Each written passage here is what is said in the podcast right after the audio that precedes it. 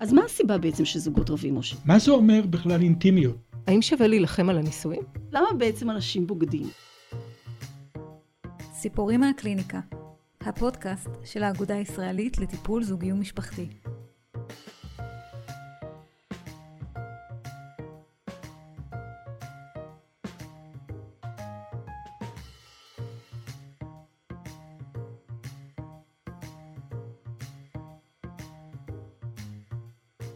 שלום לכל המאזינות והמאזינים. אנחנו כאן בפודקאסט של האגודה הישראלית לטיפול זוגי ומשפחתי. אני דוקטור חגית ירניצקי, פסיכותרפיסטית, מטפלת ומדריכה זוגית ומשפחתית מוסמכת. וכמו תמיד אנחנו משתדלים להביא לכם את מיטב אנשי המקצוע בטיפול הזוגי ומשפחתי בארץ. והיום אני שמחה לארח כאן איתי את דוקטור חני מן שלוי. חני, מה שלומך? היי. אני אשמח אם תוכלי להציג את עצמך. טוב, קודם כל תודה שהזמנתם אותי, אני שמחה. לפגוש אתכן. זה מעניין, את יודעת, כי נכון הגיוני שאני אתחיל, אני דוקטור ואני זה ואני זה ואני זה, אבל בעצם הדבר הראשון שעולה לי זה להגיד אני ישראלית, ואני ירושלמית, מצד אחד שורשים עמוקים בירושלים, ומצד שני שורשים עמוקים בשואה. ולמה אני פותחת ככה? כי אני חושבת שאנחנו פה לדבר על...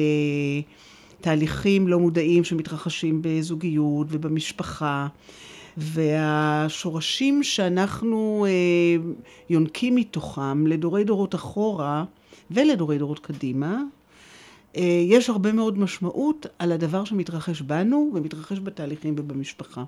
אז אני חושבת שאם אני באה להציג את עצמי, מן הראוי שמי ששומע אותי ידע על אה, איזה רקע ומאיפה השורשים שלי. אני פסיכואנליטיקאית, אישית, זוגית ומשפחתית, מטפלת באדם תוך אה, ניסיון להבין איך השורשים שממנו הוא בא ואיך הרבדים הלא מודעים בתוך נפשו אה, משפיעים על מי שהוא, על היחסים שהוא בונה, על המצב שלו, על החוויית החיים שלו אה, ועל מבנה האישיות שלו, ופסיכואנליטיקאית זוגית ומשפחתית, שזה באמת תחום שתפס תאוצה בעשר השנים האחרונות. שמסתכל על הלא מודע של הקשר הזוגי והקשר המשפחתי. זאת אומרת, יש לנו את מה שכולנו יודעים על פני השטח, זה רב עם זה, והיא כזאת, והוא כזה, והיא...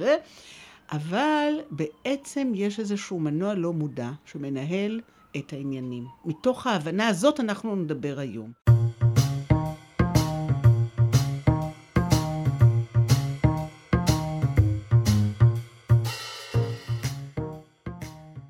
יודעת מה מרתק, ואולי זה בסיס למה שנדבר אחר כך? כי ברוב הפעמים, מה שאנחנו רואים על פני השטח, ומה שבאופן הכי, ה-common sense, המובן מאליו, אנחנו אה, נבין, הוא הפוך למה שבאמת קורה. אני יודעת שכרגע זה נשמע חידה. לגמרי, ממש. חידה. המ... למה, אז אולי נגיד מילה, למה דברים הם בלא מודע, או בתת מודע אם נדייק? הדברים נמצאים בתת מודע כי הנפש שלנו, המוח שלנו, הלב שלנו לא יכול לסבול לדעת אותם. Okay. אוקיי. אז היצור האנושי זה יצור נורא נורא מתוחכם, אז מה הוא צריך לעשות? המוח שלנו צריך לספר לנו בלוף מספיק טוב כדי שנקנה אותו. אז כל הפטנט זה לנסות לזהות מה הסיפור שאנחנו... מה מתחת לסיפור. מתחת לסיפור שאנחנו יודעים לספר.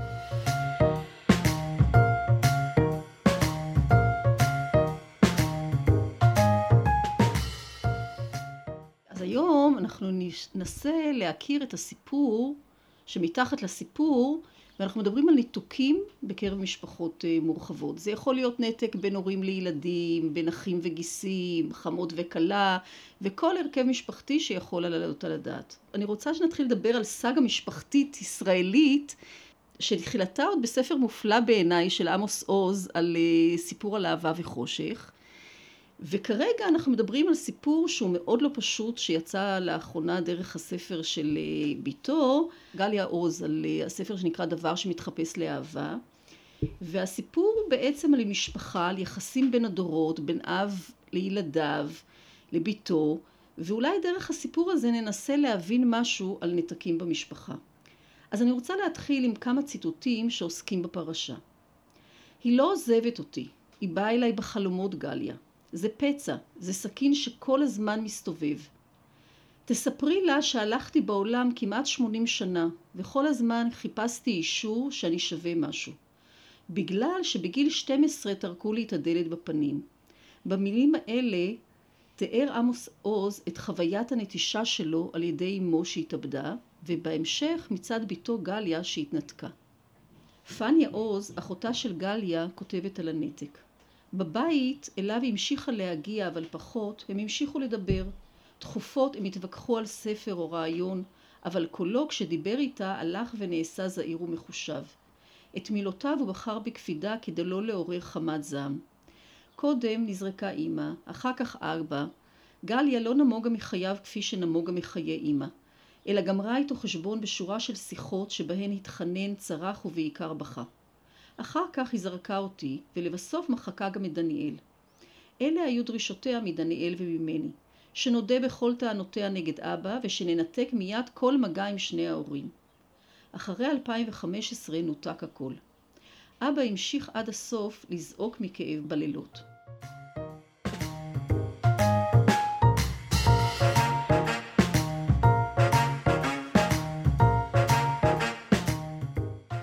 יודעת לך, אני קראתי כמו רבים אחרים, וכמו שאני רואה גם הספר הזה מונח אה, על שולחנך, את הספר של גליה עוז, ויכולתי לחוש את כאבה של גליה על האלימות שספגה מצד אביה, איכשהו לנסות להבין את הסיבה לנתק ממנו. ומצד שני גם היה קשה להתעלם מהדברים של דניאל ושל פניה שמגוננים על הדמות של אבא שלהם. אז בואו אולי ננסה באמת להבין דרך הסיפור הזה מה, מה הסיפור הזה של הנתקים במשפחה? מה קורה שם? את יודעת, חגית, הדבר העצוב הוא שזה לא מקרה יחיד. זה קורה המון, בקליניקה שלי יש המון מקרים כאלה. של ניתוקים. של ניתוקים בתוך משפחה, של מריבות לחיים ולמוות. ואני לא אתפלא אם, אני לא עשיתי מחקר אה, סטטיסטי על זה, אבל אני לא אתפלא אם במדינה שלנו יש יותר. כי בכל המקרים, כשאנחנו מדברים על ניתוקים קשים במשפחה, מכל מיני סיבות על פני השטח, יכול להיות נושא של מריבה על כספים, ויכול להיות כמו פה של אה, ילדים מוכים. אה, בכל המקרים, כשאתה הולך אחורה לפן הבין-דורי, אתה מוצא שורשים בטראומה קשה כלשהי. שתי מילים על המילה טראומה. יש לנו בארץ, לא, ולא בכדי, קצת אינפלציה בשימוש במילה טראומה. Mm. Uh, הילד שלי uh, נשאר לבד בגן, הוא עבר טראומה, uh, אז אנחנו לא מדברים על זה. טראומה היא, בהגדרה שאני מדברת עליה, זה מצב שקורה משהו כל כך נורא, שהנפש לא מסוגלת לעכל, שאין מילים. אין לי דרך לרשום את הדבר הזה לא בזיכרון, לא בנפש, ואז מה שקורה זה מה שכמו שיולנדה גמפל אה, כתבה בספר אה, ההורים שחיים דרכי, כן. אה, זה, זה כנשורת רדיואקטיבית. Mm-hmm. זאת אומרת, זה, זה, זה חלקים שאין להם פשר, כי לא היה להם מילים לחבר אותם, הם מפוזרים בנפש וממשיכים לייצר קרינה רדיואקטיבית. עכשיו, מה קורה במצב הזה? אם יש לך קרינה רדיואקטיבית ואין לך דרך לעכל, אז אתה, אתה בעל כורחך, בעל כורחך, אתה תחת ההשפעה של הפיצוץ הזה. ומקרין את זה על האחרים. ואתה חייב לתת לזה מוצא, אתה חייב לפוצץ הלאה. ובמקרה הזה, עמוס עוז מדבר על אימא שלו. אז זהו. אז עכשיו, במקרה הזה, קודם כל אני רוצה שיהיה מאוד ברור, אני לא עושה אנליזה. לא לעמוס עוז, לא לגליה, לא לפניה, לא למשפחה, זה שזה יהיה מאוד... אנחנו פשוט נלמד דרך המקרה על הנושא הזה. בדיוק, אני לוקחת את הביטויים שאת תיארת, כן. את הביטויים שגליה מתארת, כהדגמה לתהליכים שדרכם אפשר להבין מה קורה. בהחלט.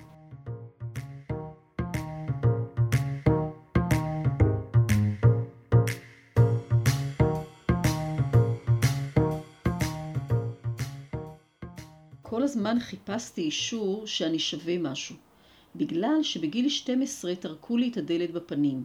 אין לי את הציטוט המלא, אבל הוא בעצם מתאר את הנטישה שלו על ידי אימא שלו שהתאבדה. זאת באמת חוויה שהשתחזרה, חוויית הנטישה השתחזרה בניתוק הזה של הבת שלו ממנו. בדיוק. אז בואי נראה עוד פעם, רק כדוגמה, אופציה דמיונית אפשרית, זה פסיכולוגיה ב- לא בגרוש, ברבע גרוש. אבל ברור שכשהורה מתאבד, ילד קטן, זה מעבר ליכולתו לשאת. ילד לא יכול להרשות לעצמו להגיד ההורים שלי הם לא בסדר, כי אז הוא אבוד בעולם. אז אם אימא התאבדה, הכי טבעי בעולם, אני יכולה רק לנחש, שהילד, עמוס עוז, או כל ילד אחר שהורה שלו התאבד, או עזב מכל סיבה שהיא, יגיד, אני כל כך רע, שבגלל שבגללי אימא התאבדה. האתגר בגידול ילד בריא בנפשו, זה ילד שיכול להכיל בתוכו את כל החלקים שלו, את מירב חלקיו, כל החלקים. אף אחד מאיתנו לא מכיל את כל החלקים. אני גדל להיות אדם שמחזיק קונפליקט בתוכי. אוקיי. בין החלקים הטובים לחלקים הרעים. זאת הבריאות הנפשית. חלקים שונים של הנפש נבנים, אחד ההסברים הפסיכואנליטיים, מהפנמה של חלקים של ההורים. אני פוגש את ההורים שלי בכל מיני חלקים. יום אחד אני פוגש אבא מחייך, ויום אחד אני פוגש אבא זועף, יום אחד אני פוגש אמא כזאת. כאשר אני לא פוגש את ההורים בצורה מורכבת, והתאבדות של אימא זה משהו חד משמעית, יש לי בעיה להפנים לתוך הנפש שלי מגוון של חלקים. את כל החלקים שלה. את ש... כן, אני לא יכול לבנות כי נפש הטראומה מאוזנת. חותכת את זה? לא. כי טראומה חותכת את זה, זה כן דרך להגיד את זה, אבל אני רוצה שזה יהיה יותר ברור. זה כמו לגו ממש, אפשר לדמיין את זה. אז אם אני הילד, חטפתי כזה זפטה, כזאת בומבה בזה, ש... במעשה של אימא, שאני, אין בי טוב שבשבילו היה שווה לה לחיות. ואני חושבת שאפשר לראות מאוד מאוד יפה איך שגליה כותבת על אבא שלה. כותבת בעמוד 10. אבא שלי העיד על עצמו שהוא אדם טוב. וכל מה שעמד בסתירה לרעיון הזה נתפס כמופרך. הוא היה יפה נפש בהגדרה. הפרסונה שלו הייתה בנויה על מוסריות ללא דופי. ופולחן האישיות שהתפתח סביבו לא השאיר כבר אז מקום לתלונה. וממילא לא היה בסביבה אף אחד שיתווכח איתו. האקסיומות האלה הפכו את המתקפות שלו לאפקטיביות עד כדי כך שבמשך שנים רבות לא יכולתי לקרוא לדברים בשמם, פשוט בגלל שלא הייתי מסוגלת להניח שאדם טוב כמוהו יזוהה עם רוע. בכל משוואה אפשרית, אישית או ציבורית, הוא הציב את עצמו בצד ההומני, היפה, החומל. עכשיו, מה קורה? אם אני עמוס עוז, אם, עוד פעם, חייב להיות רק הטוב, היפה, החולם, החומל, המוסרי, כן. איפה הוא ישים את, את החלקים הרעים שלו? כי אין דבר כזה אדם שהוא רק טוב.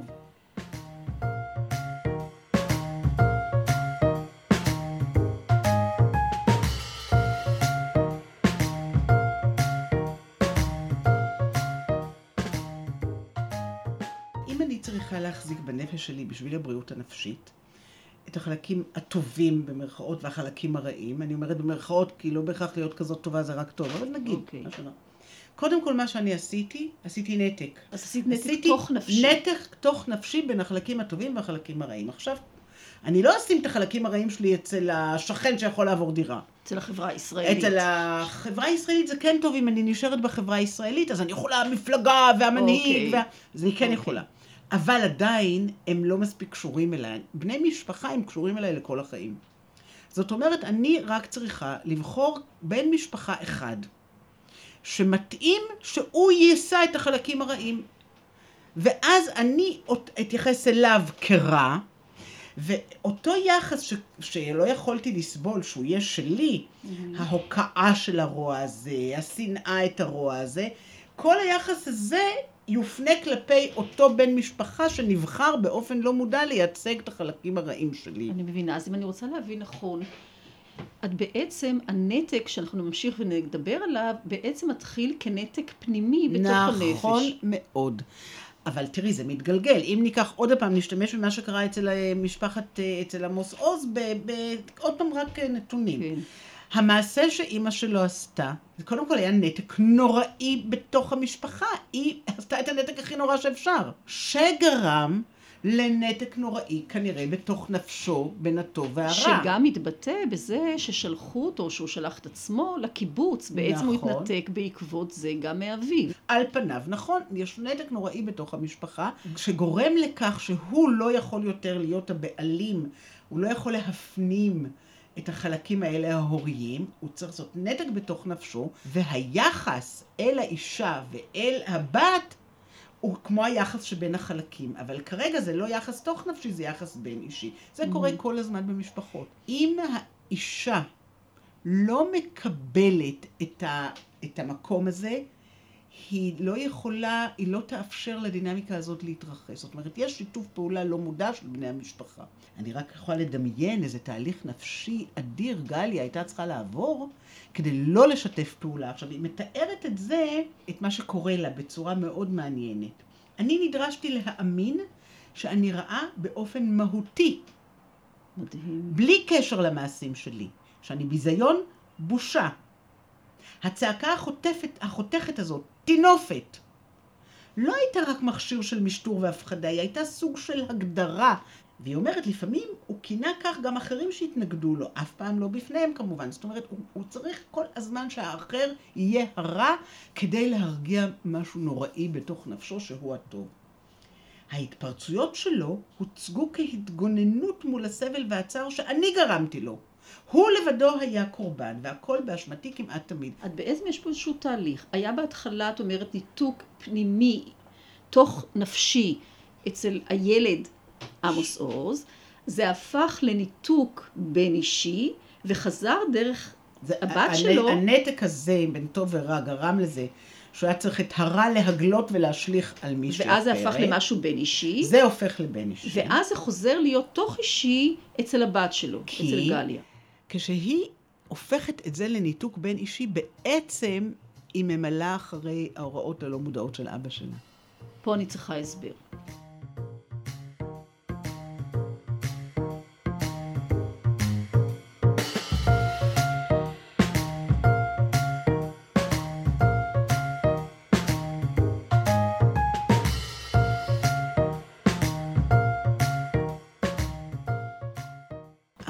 הנקודה שאולי קשה לעקוב אחריה, והיא ככה מאוד חמקנית, זה החיבור הלא מודע בין מה שקורה בתוך הנפש, לאיך זה מתבטא בתוך היחסים. זה אוקיי. הנקודה. אני חושבת, עוד פעם, נורא חשוב לי לחזור, לחזור, לחזור, ל- זה לא ניתוח פסיכולוגי של גליה, וזה לא ניתוח של עמוס עוז, וזה לא ניתוח של היחסים שלהם, זה רק... גליה כל כך מתבטאת בצורה שנוגעת ללב, ומבהיר, נותנת אפשרות להבין את איך ניתוק כזה, תוך נפשי, חייב להתרחש אצל ילד שעובר התעללות. חייב.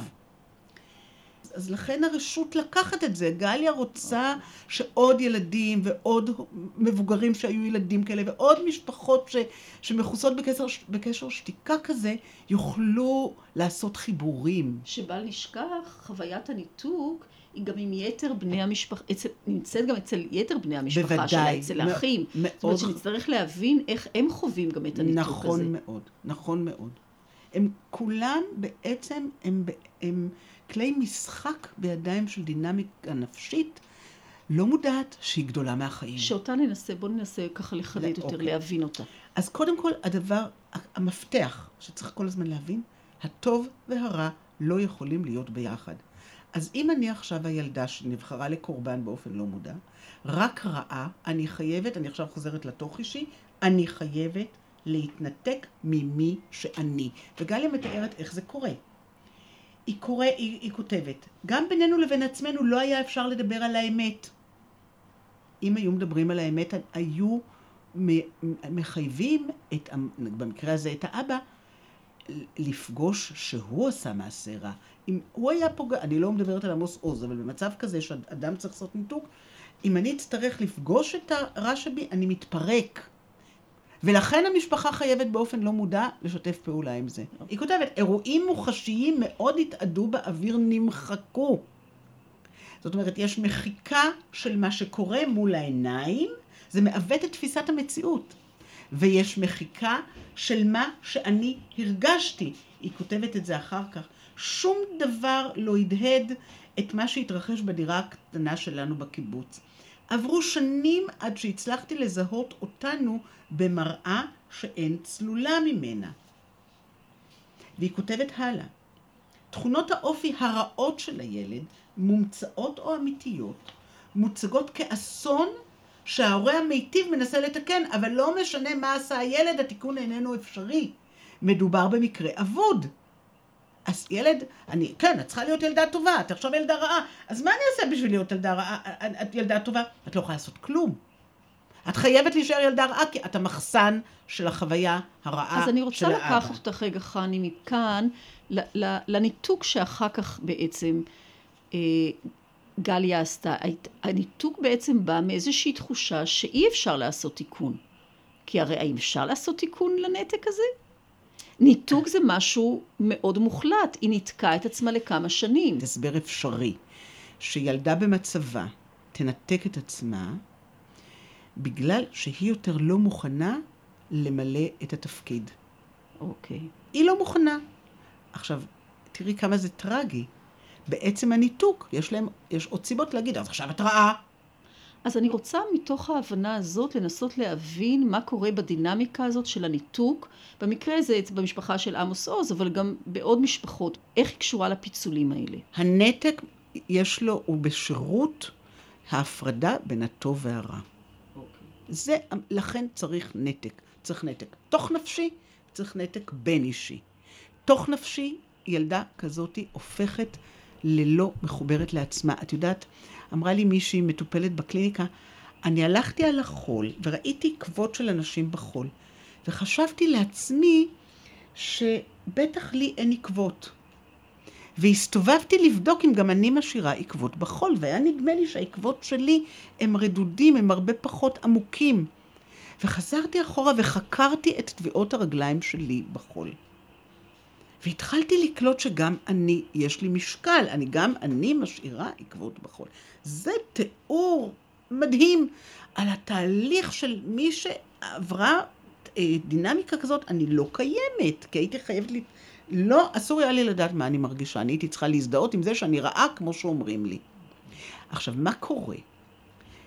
ילדה כזאת יכולה לגדול לאישה שאין לה שום יכולת לדעת מה, מה היא עושה. היא יכולה להפוך לאימא, חס וחלילה, אין לי מושג על, על גליה, ואני באמת לא מדברת פה על גליה, לא, לא קראתי דבר כזה בסדר, אבל מהקליניקה, יכול להיות שאישה כזאת תהפוך לאם מתעללת.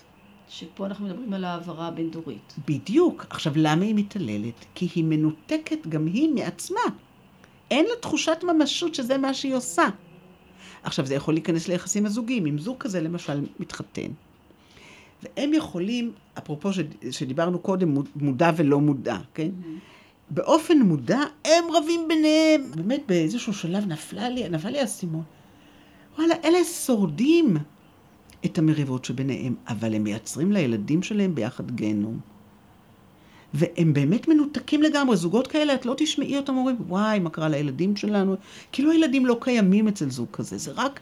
אבל ברגע הזה שאת יכולה להפגיש אותם, תשמעו, חבר'ה, אתם ביחד מתעללים בילדים שלכם, אתם משתפים פעולה בליצור לילדים שלכם כזה גיהנום שאתם מתעללים בהם.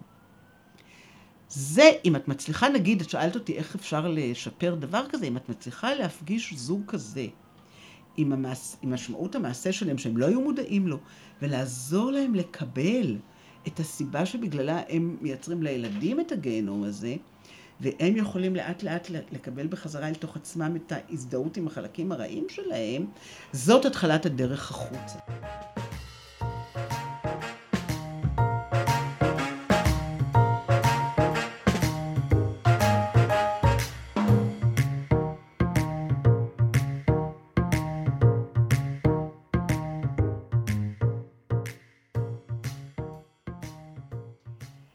משפחת עוז או משפחה אחרת, מגיעים אלייך לקליניקה, ובעצם עם נתק במשפחה, על רקע של אירועים שהיו בעבר וכולי.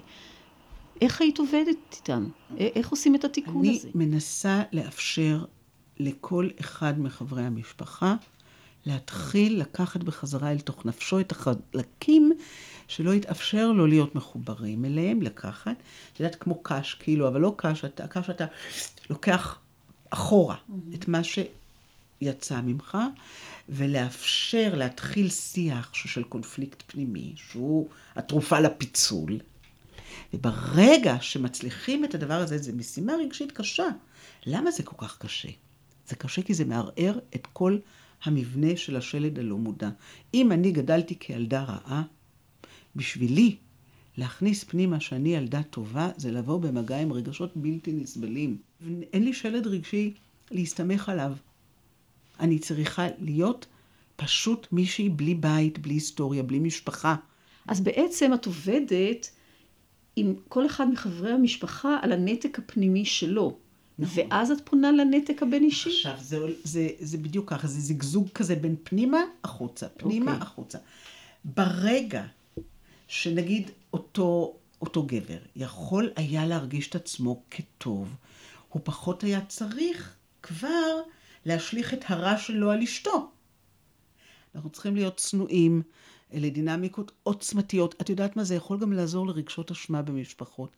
אם זה קרה במשפחה של מישהו ששומע אותנו, תבינו, זה לא כי אתם רעים, כי אתם עשיתם, יש שם כוחות עוצמתיים מכם, שאתם באמת הקורבנות שלהם, כולם, כל המשפחה קורבנות של הדבר הזה. והבשורות הטובות הן שכן, שמגיעים למטפל או מטפלת, שיודעים לעבוד עם הרבדים הלא מודעים, אפשר בהחלט להוציא את המשפחה הזאת, את הזוגיות הזאת, באופן הבין-דורי מן הבוץ ולשנות את הדינמיקה.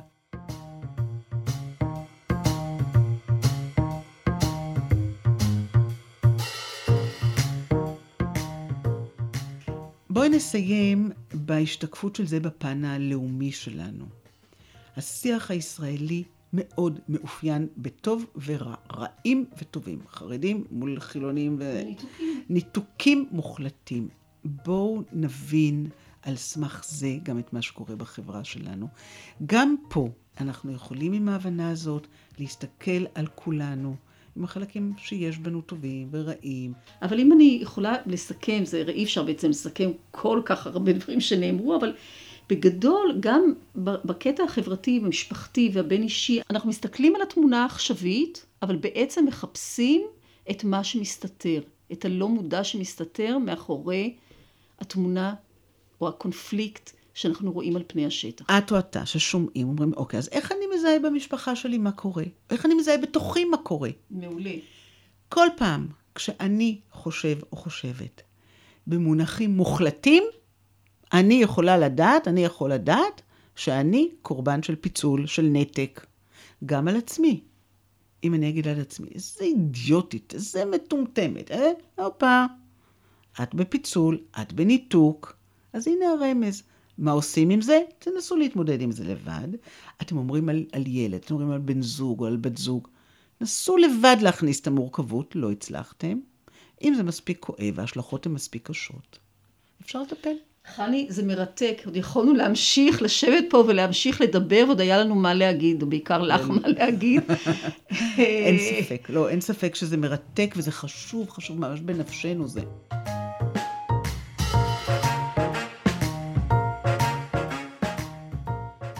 כי יכולנו עוד לשבת פה שעות ולהמשיך לדסקס את העניין, ותודה לך, זאת אומרת, בעיקר ממך למדתי המון, ואני בטוחה שגם השומעים שלנו.